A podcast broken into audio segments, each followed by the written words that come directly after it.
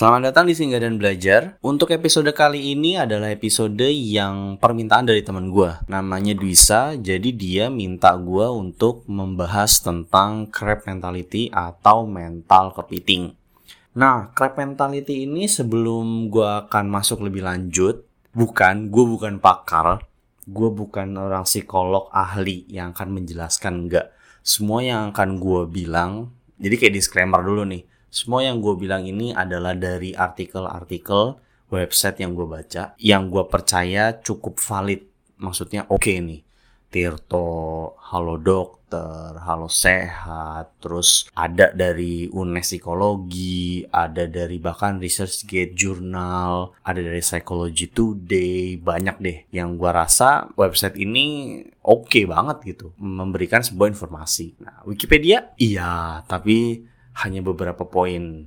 Terus juga gue lihat sumbernya gitu. Jadi banyak sebenarnya. Bukan gue asal ngomong ya dan sok tahu enggak. Terus juga kalau misalnya nanti gue kasih contoh itu juga contoh yang dari lingkungan sekitar aja. Contoh dari website itu dia juga ngasih contoh itu yang akan gue utamakan terus juga dari lingkungan-lingkungan observasi gue, lingkungan sekitar gue, atau mungkin cerita dari Twitter, dari netizen-netizen yang share di komen, di mana pun bikin thread dan segala macam, itu juga termasuk dari bagian ketika gue ngasih tahu contoh. Jadi gue nggak asal cuap-cuap ngira-ngira aja enggak gitu ya.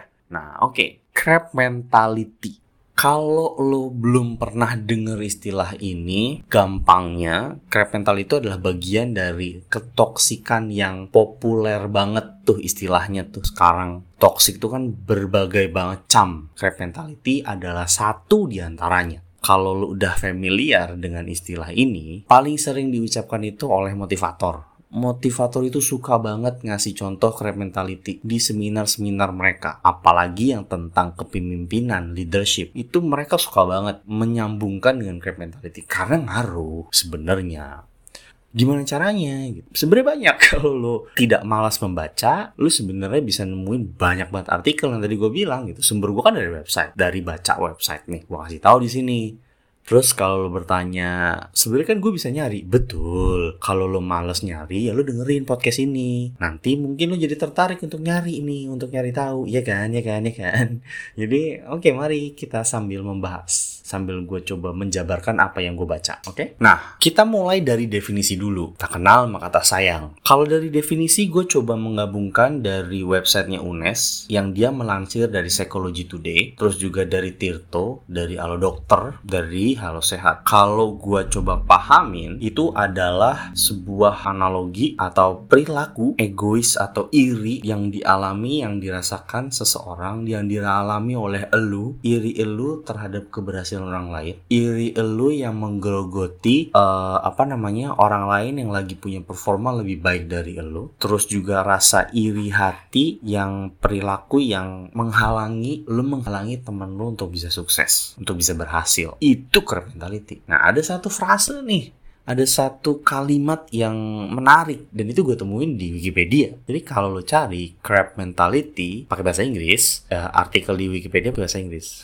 ada satu kalimat yang menarik. Crab mentality itu sebenarnya menggambarkan perilaku lo, menjelaskan perilaku lo kalimat yang if I can't have it, if I cannot have it, neither can you. Artinya perilaku menjelaskan tentang kalau gue nggak bisa mempunyai itu, lo juga nggak bisa mempunyai punya itu. Lo juga sama. Kalau gue nggak boleh punya itu nggak boleh berhasil di bidang itu lo juga nggak boleh berhasil di bidang itu. Jadi jelas ya dari sini inti perilakunya adalah sebenarnya dari sikap egois lo dan iri lo atas keberhasilan orang lain. Bahkan nggak usah keberhasilan deh dia lagi nanjak aja. Lo tuh udah iri. Itu tuh dari definisi crab mentality. Sejarahnya gue tahu ya sejarahnya gue nggak nemu. Tapi yang gue baca dari artikel-artikel lain gue lupa artikel karena campur ya gue bacanya. Jadi itu kayak uh, nelayan mencoba mengobservasi atau nelayan melihat uh, jadi ada kepiting-kepiting nih di dalam ember, ya kan? Terus dia ngeliat ada ember eh ada ember, ada kepiting yang coba keluar dari ember itu, tapi akhirnya ditarik oleh kepiting yang berada di bawahnya. Makanya istilah lainnya adalah crabs in the bucket. Kepiting di dalam ember. Nah, itu yang itu yang sering banget akan disebut oleh motivator sih sebenarnya. Contoh itu. Jadi kepiting ini pengen keluar tapi terus ditarik, pengen bebas tapi itu ditarik gitu. Itu crab mentality definisinya. Terus gimana sih kok bisa sih ada gitu ya? Penyebabnya apa nih? Ada loh artikel yang bahas itu. Jadi gue nggak asal ngomong gitu. Ada artikel yang bahas itu. Kenapa nih penyebabnya kenapa nih bisa muncul crab mentality? Ya sebenarnya kan dari definisi udah jelas ya iri, egois. Itu adalah dua sifat yang semua orang, gue sih yakinnya semua orang tuh sebenarnya punya. Tinggal gimana lo mengaturnya, gimana lo me, apa mengekspresikan keirian lo, memanage keirian lo, atau memaintain, atau juga kadar jaga lo keirian dan keegois lo seberapa bisa gitu, seberapa tinggi. Gitu. Karena gue rasa setiap orang tuh pasti akan ada rasa irinya, ada rasa egoisnya. Yang gue temuin sejauh ini, semua orang yang gue temuin itu ada irinya, ada egoisnya. Jadi sebenarnya penyebab utamanya ya iri dan egois. Tapi ada yang menarik nih. Ada yang menarik. Ada artikel yang bahas penyebab itu lainnya adalah faktor manusia kan makhluk sosial ya. Makhluk sosial yang artinya itu dia bisa hidup berkelompok. Ya bisa hidup sendiri. Tapi makhluk sosial itu kan yang kita diajarin, gue diajarin makhluk sosial itu kita membutuhkan orang lain. Akan ada masanya di mana kita akan membutuhkan orang lain. Pasti gitu. Itu yang diajarin ya. Yang nyantol di otak gue ya tentang manusia adalah makhluk sosial. Mungkin meleset ya artinya ya dari pengertian yang gue tangkap ya. Tapi maksud di artikel ini adalah bukan makhluk sosialnya, tapi akan ada fase di mana lo itu ketergantungan dalam hidup berkelompok. Bahasanya adalah ketergantungan dalam hidup berkelompok. Bukan berarti melarang lo untuk berkelompok, enggak. Tapi ketergantungan art artinya ketergantungan ini apa-apa tuh harus ada or circle elu gitu. Lu nggak bisa melakukan tanpa circle lu. Kan berkelompok kan bahasanya sekarang circle kan. Bestie lu, circle lu, sahabat lu, circle A, B, C, D, F, G gitu. Sekarang punya banyak circle nih orang-orang nih di khusus-khusus gitu. Circle main game A, circle untuk curhat B, ke gibah C, gosipin ini E, kampus D gitu segala macam. Lu tuh harus selalu bergantung dengan mereka. Gak bisa sendiri lo lakuin. Ketergantungan hidup berkelompok. Cuma setiap manusia itu kan juga punya rasa kompetitif. Ada loh sebenarnya jiwa kita e, berkompetisi. Apalagi ketika kita lagi senang melakukan sesuatu dan merasa kita tuh pengen mengeluarkan yang terbaik. Nah, sifat dari egois yang kita punya, iri yang kita punya, kompetisi yang kita punya, maka itulah yang bisa memunculkan crab mentality. Contohnya, lo berkompetisi dalam circle lo. Bukan lomba es, bener-bener lomba ya. Maksudnya ada hal yang membuat lo muncul nih rasa kompetitif lo gitu. Lo nggak mau kalah nih sama dia nih gitu. Gue gue mulai lebih dulu bikin konten kreator di TikTok misalnya. Terus uh, di sosial media gitu ya. Terus ternyata di circle lo juga mulai buat nih. Berkompetisi kok ngelihat dia kayak ini makin kenceng nih viewsnya nih yang nonton nih. Akhirnya jiwa kompetitif lo itu muncul gitu. Ada perasaan di mana wah gila men. Dia aja bisa viewnya lebih banyak daripada gue padahal gue udah mulai lebih dulu gitu. Gue nggak boleh kalah nih. Kayak gitu kan. Itu sifat kompetitif tuh. Egoisnya muncul adalah ya lo akan fokus mengejar untuk bisa mengalahkan dia. Nah di saat yang bersamaan ketika lo tidak bisa memaintain semua ke arah yang bener ngaco nih. Udah lo egois yang ngaco kompetitif lo ngaco berantakan nih nggak bisa di manage lo iri lagi sama dia. Itu kan uh, apa bukan jadi motivasi lo ngeliat dia tapi akhirnya iri gitu. Anjir dia lo baru mulai dua bulan subscribernya udah seratus ribu gua udah hampir setahun boro-boro seratus ribu lima puluh ribu yang gak nyampe. Itu tuh udah kalimat yang mengandung keirian tuh secara nggak langsung tuh. Di sinilah muncul crab mentality penyebabnya akan ada godaan elu untuk menghasut teman elu supaya tidak melanjutkan projectnya gimana caranya nih? Lu ngebuat dia males lah lu ngasih tunjuk uh, sok-sok menasehati kayak ngas nasehatin supaya lu nggak gagal gitu supaya lu nggak mandek gitu. Tapi nasihatinnya itu dengan cara yang salah bukan memotivasi dia untuk lebih baik atau eh hati-hati nih ada jalan berlubang jangan lurus lu belok kanan baru lurus dulu. Tapi nasihat lo adalah eh hati nih ada lubang udah lu berhenti aja nggak usah lanjut. Dibuat berhenti nih. Nah itu tuh menggerogoti seseorang yang performanya lagi lebih baik daripada lu. Nggak pengen dia lebih berhasil daripada lu nggak pengen. Nah itulah salah satu kondisi di mana bisa memunculkan crab penyebabnya. Ketergantungan akan hidup berkelompok yang di mana sebenarnya setiap orang punya jiwa kompetitif ada sifat egoisnya ada sifat irinya. Akhirnya semua ketika nggak bisa di maintain dengan baik ngaco gitu. Putus asa nggak sehat akhirnya kompetisinya yang ngelakuin gitu. Makanya nggak muncul gitu. Kalau gua aja. Gagal di sini masa dia gagal? Nggak bisa begini nih caranya nih nggak fair nih dunia nih. Nggak boleh lu bisa dapat subscriber lebih banyak daripada gua. Nunggu gua dulu. Itu tuh ada tuh. Walaupun lu nggak ngomong di depan ya dalam hati siapa yang tahu bro? Iri lu di dalam hati siapa yang tahu? Di depan lu bisa manis di hati lu di belakang siapa yang tahu? Gitu ya. Cara-cara begitu mah banyak sekarang. Faktanya banyak di internet dengan cara-cara nggak sehat gitu. Oke. Nah, itu kalau dari penyebabnya. Sekarang menariknya dari pelaku nih, gue mulai dari point of view pelaku. Karena kalau dari contoh yang tadi gue bilang, kalau dari definisinya, kok kayak gue pernah ya, bahkan gak cuma sekali. Kayaknya gue adalah salah satu pelaku crab mentality. Gue yang kayaknya ya, gue gak seneng beberapa temen gue tuh sukses. Gue melakukan cara-cara penghasutan supaya dia gak melanjutkan.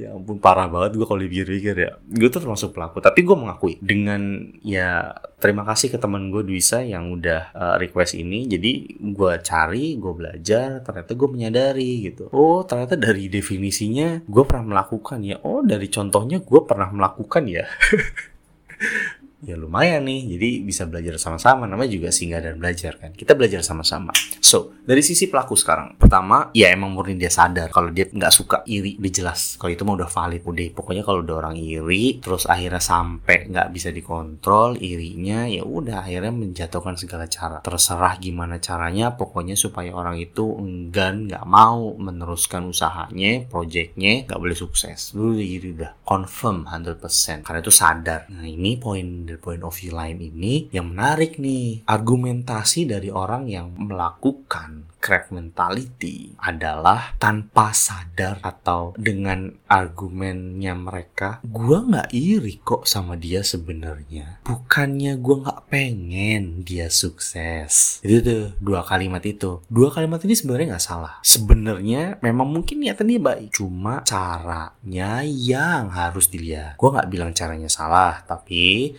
ketika teman lo bilang kayak gitu lo harus melihat caranya cara dia supaya teman uh, apa namanya bener nggak dia nggak iri? Bener nggak tujuannya memang itu? Dilihat caranya. Yang tadi gue bilang kan salah satu cara paling kelihatan adalah ada lubang di depan nih. Terus dia mau kalau dia lurus aja jatuh nih ke lubang. Luka dan segala macem. Nah lu lihat caranya. Cara dia dia ngasih tahu untuk berhenti doang gak usah ngelanjutin perjalanan atau eh. Lu jangan lurus aja. Coba belok kanan dikit atau kiri dikit nanti uh, belok lagi. Tinggal dilanjutin. Ngindar lah pokoknya gitu. Atau kalau lu jalan lu langkahi deh gitu. Nah kalau caranya seperti itu kan berarti baik ya. Ngasih tahu supaya tetap maju terus tanpa mundur. Libas pokoknya. Kita akan selalu mendukung gitu tapi kalau caranya supaya ngasih taunya lo berhenti, nah ini tanda tanya nih. Tanda tanyanya dibagi lagi. Nyuruh lo berhenti atas dasar apa? Eh, kalau cuma gue nggak pengen lo gagal, gue nggak pengen lo sakit hati, ngalamin apa yang gue rasain itu berat.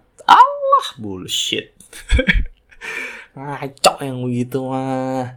Tapi kalau dia ngasih tahu, misalnya, gue pengen lo berhenti sekarang karena jalur yang lo ambil persis ini gue udah pernah ngalamin dan di depan lo nanti lo misalnya nih disuruh nyogok sana sini buat maksiat misalnya buat kriminal. Ya nyogok kan kriminal ya. Nah, lo harus nyogok sana sini misal demi bisa berhasil gitu ya. Nah, itu udah kriminal tuh. Nah kalau temen lo nasihatin kayak gitu nah itu baik tuh. Itu baik tuh nyuruh stopnya karena memang di jalan yang persis dia ngelihat bahwa ya memang ada satu ben proses yang melanggar hukum noh melanggar norma noh. Yang kayak gitu makanya minta lo berhenti dibagi duanya. Tapi kalau dibagi bagi duanya atas dasar. Gue nggak pengen nanti lo sakit hati kayak gue gue udah pernah ke sana gue gagal. Dan itu nggak enak. Dan gue sahabat lo gue nggak pengen lo ngerasain apa yang gue rasain. Allah kampret. Itu mah kampret namanya yang begitu. Bullshit.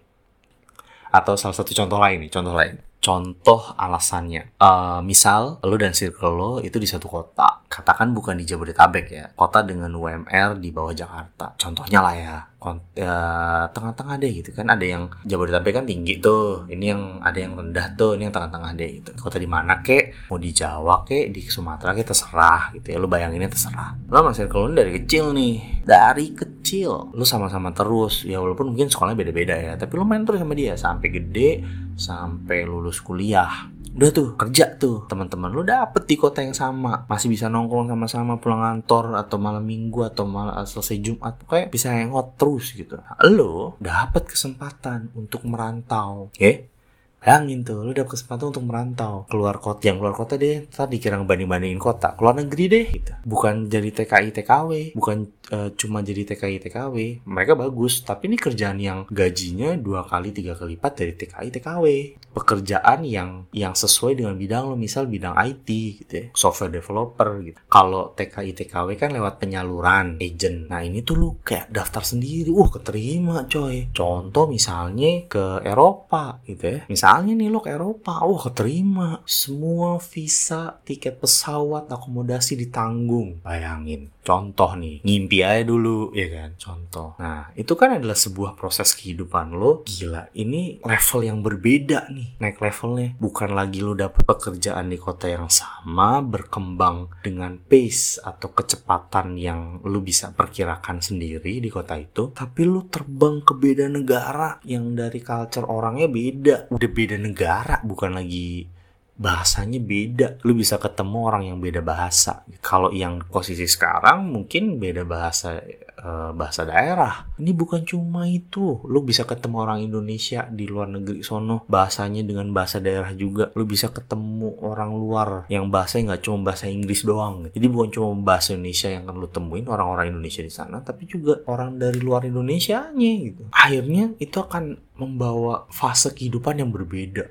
Kayak lo ngerasanya itu naik level banget gitu ya kan? Kalau biasanya lo naik level plus satu plus satu plus satu ini tiba-tiba langsung plus 10 gitu. Naiknya cepet udah tuh. Nah temen lo nih kampret dia ngebujuk kalimatnya gini bro bukannya gue nggak pengen gagal tapi temen gue ya pernah yang kayak gitu? Susah banget dia nggak bisa adaptasi pulang-pulang stres hampir mau bunuh diri lagi. Saking stresnya. Gue nggak pengen lo kayak gitu bro. Dia di sini aja sama kita kita kita bangun karir di sini kita seneng-seneng kita masih bisa kumpul setiap uh, malam minggu setiap weekend. Udahlah ngapain lah jauh-jauh? Nanti gimana kita kontak-kontakan kan? Nanti kita renggang udah nggak teman ntar lupa sama kita. Nah ini nih membawa atas nama persahabatan. Lo tuh bestinya tapi lo menggunakan alasan itu supaya temen lo nggak berangkat. And itu mulutnya minta di plaster. Titik. Udah lo diem lo jadi itu dari contoh uh, apa namanya dari sisi perilaku eh perilaku pelaku yang melakukan. Dan gue bilang kayak gini karena contoh itu adalah nyata mas bro. Contohnya gue alami sendiri gue lihat sendiri. Itu nyata. Dan gue rasa contoh itu adalah contoh yang paling sederhana yang bisa gue lihat. Oh, oh, oh atau ada satu lagi. Ngajak lu bolos udahlah nggak usah lo belajar mulu udah lo ikut kita aja cabut. Sekali doang sih. Sekali sekali lo cabut nggak akan ngaruh juga ke nilai kalau sekali doang mah. Oh ini. Ini adalah salah satu yang paling sering. Paling sering gue lakuin. Dan gue rasa banyak orang yang ngelakuin juga. Bukan bukan karena iri supaya nilai lebih enggak.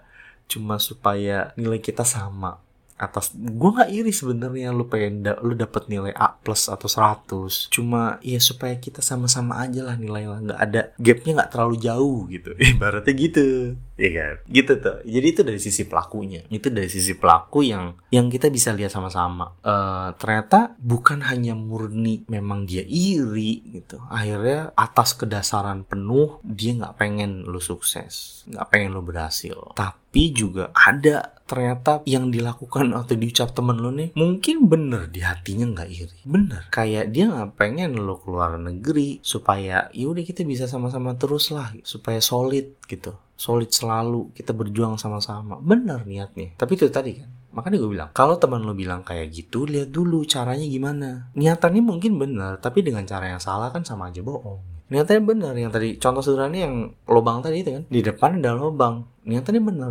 Gue nggak pengen lo jatuh. Tapi caranya lo nyuruh gue berhenti doang. Nggak pengen gue berhasil. Ya kan? Kayak gitu itu dari sisi pelaku tuh. Jadi ada atas kesadaran penuh dan tidak kesadaran sama sekali. Dan itu yang nyebelin gitu. Makanya bahasa zaman now-nya adalah lu duduk anjrit temen gue toksik banget. Dijelasin toksik iya masa gue keluar negeri aja dia sok-sok ngelarang coy? Dia temen apa gimana sih? Nah udah tuh. Kalau ada yang cerita toksik begitu ah itu crap mentality tuh.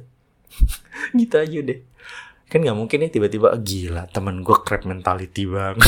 Itu kayaknya itu di tongkrongan gak akan keluar deh itu jarang banget itu keluar kayak gitu. Terus dari sisi korban korban itu atau lu yang berada di circle ternyata orang-orangnya itu punya crap mentality atau melakukan itu. Atau gimana caranya sih kita mengidentifikasi itu gitu ya? Kayaknya dari yang gue baca yang gue pahami itu dan dari pengalaman pengalaman-pengalaman dan cerita tadi ya contoh tadi itu sebenarnya cukup kelihatan kok. Kayak orang iri kalau nih IP lo lebih tinggi gitu ya. Kayak setiap semester IP lo tuh selalu 3,6 nah temen lo tuh cuma 3 gitu. Terus iri kayak gitu-gitu gitu ya contoh ketoksikan dari mulut-mulut temen lo yang rasanya minta digampar, minta diplester kalau bisa ya. Nah itu tuh biasanya uh, lo kelihatan kok kerasa kok. Cuma itu tadi yang susah itu adalah ucapannya itu nggak menunjukkan keirian. Atau kan kalau iri kan rasanya itu kan lo ngerasa eh kalau temen lo tuh sebenarnya apa iri gitu. Tapi kayak uh, sebuah pernyataan untuk memahami temen lo toxic crap mentality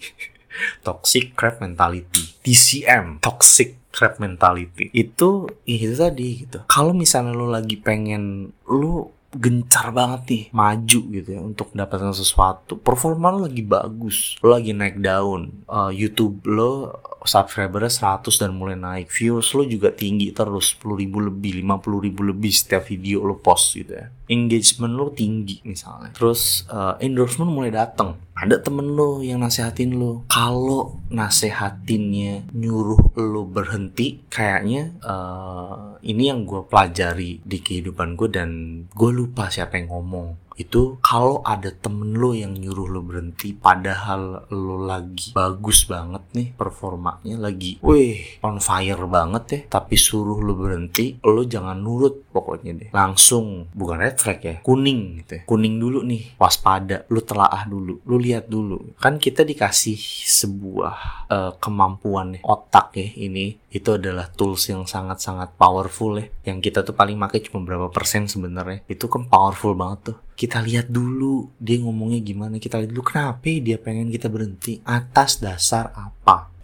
Jangan ujuk-ujuk lo meremehkan dia. Mungkin mungkin jadi dia bener nyuruh lo berhenti. Ada alasannya tapi ini tadi gue bilang dilihat dulu. Dengan cara gimana dia nyuruh lo berhenti? Alasannya apa? Kenapa lo nyuruh lo berhenti? Kalau cuma karena alasannya nggak masuk akal eh, gue cuma pengen lo berhenti aja gitu. Gue nggak suka lo jadi ya udah deh kalau dia nggak suka lo jadi youtuber eh bye lah gitu. Jadi penting untuk menyadari. Karena kan kalau lo punya kemampuan ini latihan untuk bisa ngeliat nih circle lo yang begini lo tuh bisa ngotak-ngotakin gitu. Ngotak-ngotakin oh ini teman-teman mulutnya nih kampret nih nggak bisa nih diajak nih untuk maju nih. Cuma teman udah seneng-seneng aja udah. Kalau misalnya gue lagi bete perlu bercanda sama dia ada tuh. Tapi kayaknya kalau gue curhat sama dia adanya mah berantakan gitu ya. Kenapa kayak gue ngomongnya santuy banget dah.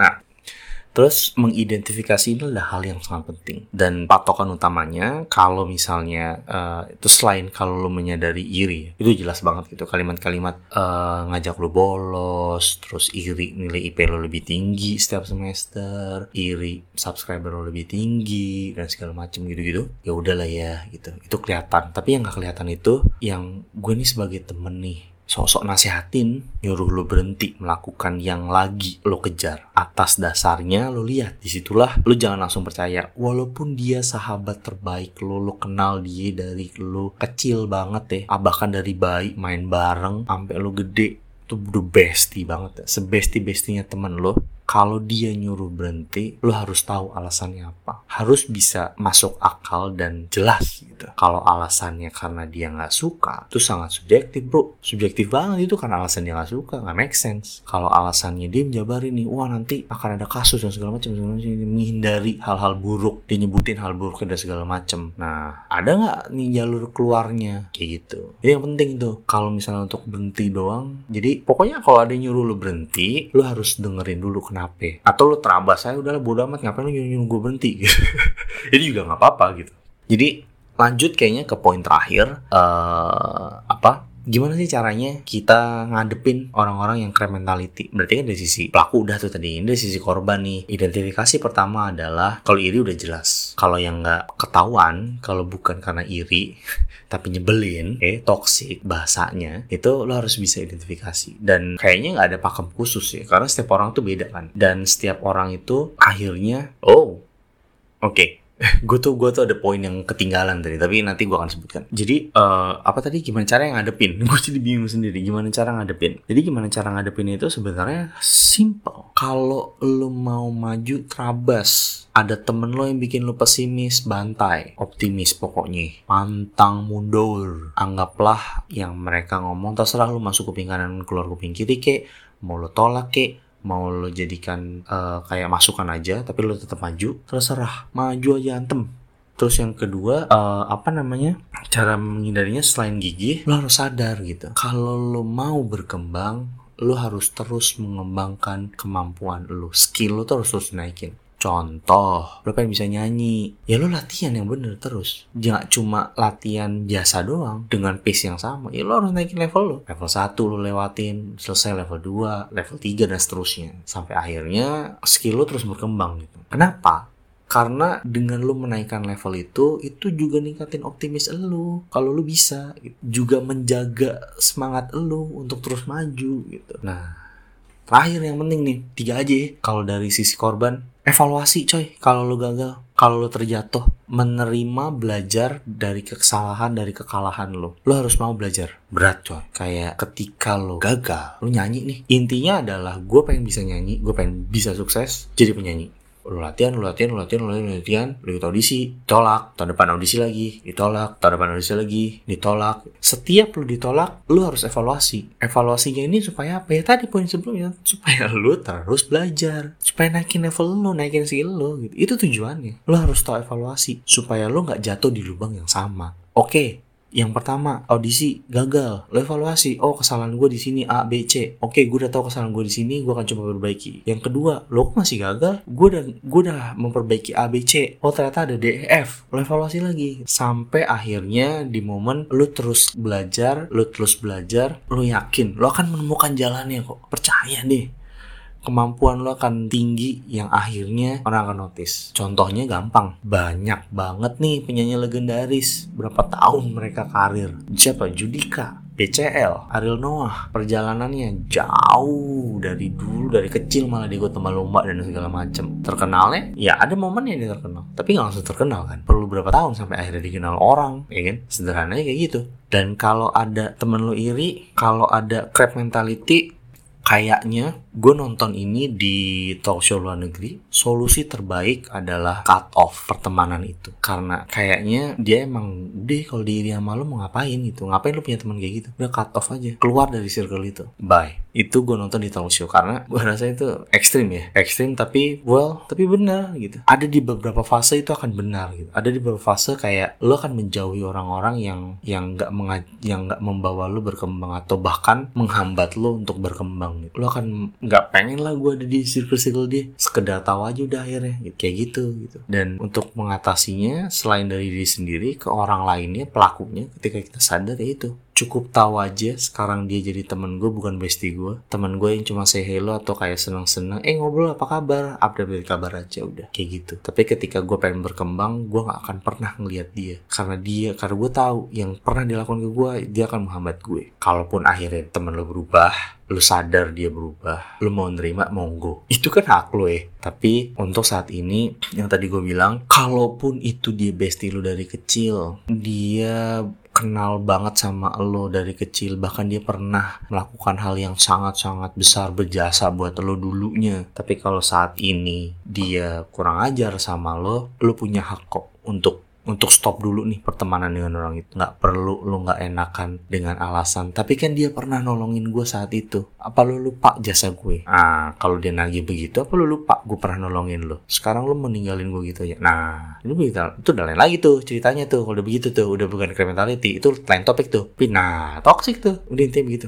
Begitu. Nah tambahan dari gue adalah sebagai penutup kan tadi kita udah ngebahas definisinya gue coba ngejabarin yang ternyata dari sisi pelaku ataupun korban gue pernah di posisi korban iya gue pernah jadi pelaku juga iya gue mengaku itu. Dan kayaknya gue mau minta maaf kepada orang-orang yang pernah gue crap mentality kan yang gue pernah menghambat keberhasilan kalian gue sangat-sangat minta maaf kalau gue pernah melakukan mungkin gue tidak sadar. Gue sejujurnya gue karak gue tipe yang gue nggak bukan karena iri sebenarnya tapi ternyata cara gue salah. Jadi gue minta maaf yang sebesar besarnya dan dari sini juga gue belajar. Sebenarnya beberapa sebulan eh kayaknya beberapa akhir ini dari podcast ini gue belajar. Kayaknya setiap orang itu sebenarnya punya kemampuan untuk memanipulasi. Gue yakin sih sebenarnya. Karena ya kayaknya di podcast yang mana ya gue pernah bilang gitu. Uh, bagian toxic pokoknya toxic friendship itu manipulator itu banyak ya nggak usah jauh-jauh lah. Uh, pacar lo bisa temen lo manipulasi lo untuk melakukan hal yang nggak bener bisa gitu ya. dan dari sini crab mentality ini ketika dia berhasil mengajak lo untuk tidak melanjutkan keberhasilan lo pas dia sukses nih ngajak lo untuk bolos itu kan perlu skill menghanyutkan eh menghasut ya. Kok menghanyut ya? Skill menghasut kan. Dan menghasut itu kan memanipulasi kan. Ngomong cuap-cuap gimana caranya memanipulasi seolah-olah oh bolos itu oke. Okay.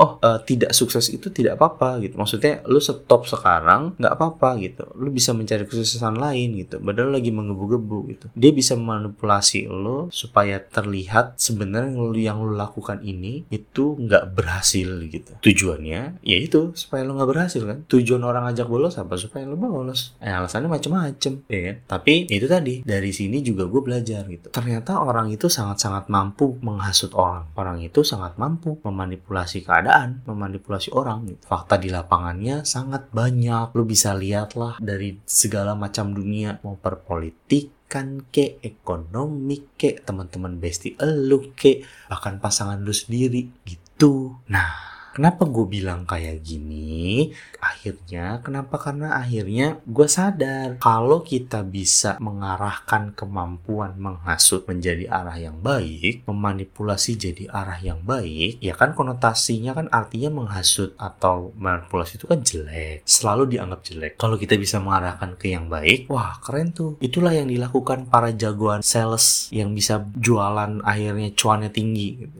Itulah yang dilakukan motivator-motivator bukan menghasut bukan manipulasi sih. Sebenarnya uh, apa namanya kalau nih positifnya itu kan motivasi ya. Nah dia berhasil memotivasi lo supaya lo menjadi lebih baik gitu. Guru misalnya ngajarin lo membuat lo jadi tertarik sama pelajarannya tertarik sama mata kuliahnya tertarik sama fisika akhirnya lo belajar sendiri gitu. kalau bisa mengarahkan itu jadinya bagus banget. Dan namanya bukan menghasut atau manipulasi. Tapi kayaknya untuk topik ini gue perlu belajar lagi sih. Arti menghasut itu apa, arti manipulasi itu sebenarnya apa, dan dalam konteks yang positif itu sebenarnya ada istilah lain atau enggak. Tapi gue dari sini gue yakin sih, banyak orang toxic, banyak orang crab mentality, artinya banyak orang yang bisa menghasut orang lain, melakukan keburukan, bisa memanipulasi keadaan. Dan itu valid, contohnya banyak, banyak banget. Dan ternyata dunia itu benar-benar kompleks unik dan kompleks. Karena dibalik omongan temen lo yang terlihatnya jujur dari hati kita nggak akan pernah tahu kalau itu beneran jujur atau ada agenda pribadi di ucapannya dia. Kita nggak akan pernah tahu. Mungkin dia bisa jujur alasannya tapi ketika dia ngasih tahu jujur alasannya kita juga nggak pernah tahu itu beneran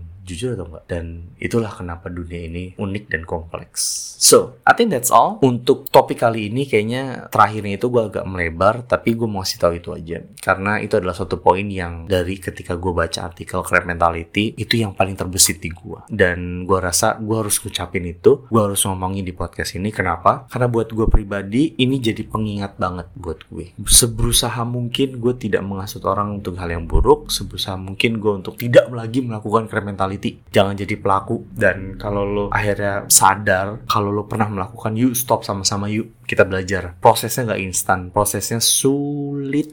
Tapi bukan bukan berarti tidak mungkin dilakukan. Bisa kok banyak kok orang-orang baik banyak kok tim motivator hebat banyak kok orang-orang yang genuine yang asli murni bisa ngedukung lo ngasih tahu lo. Lo harus yang nggak A lu coba cara B untuk bisa berhasil. Banyak banget yang kayak gitu. Tapi orang-orang rese, crab mentality ini mereka yang tiba-tiba aja ada gitu ya dari 10 orang baik circle lo ada satu orang nongol nih crab mentality yang rusuh, rese, nyebelin. Ini yang harus kita perangi.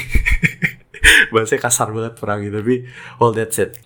So thank you so much sekali lagi di Singa dan Belajar ini yang semua yang gue ucapkan dari awal tadi semua berdasarkan dari artikel, semua berdasarkan dari yang pernah gue baca di Twitter, di Instagram, di Facebook, di sosial media dan juga semua yang gue ucapkan itu juga sumbernya dari pengalaman gue pribadi ngeliat langsung bahkan gue adalah pelakunya. Jadi gue ngomong kayak gini gue bukan orang yang suci tapi gue ngomong kayak gini supaya kita belajar sama-sama. Karena dari gue ngomong ini gue juga belajar banget ngingetin gue banget dan gue pengen ngajak lo untuk yuk kita belajar sama-sama yuk. Kita singgah sebentar kita belajar sama-sama. Ambil poin yang kita bisa ambil untuk menjadi manusia yang lebih baik. Karena kalau kita jadi individu yang lebih baik semua orang akan kecipratan. Betul kan? So thank you so much. Terima kasih sudah bisa mendengarkan sudah mau singgah sudah mau belajar sama-sama sama gue Semoga kita bisa mengambil pembelajaran yang baik di sini.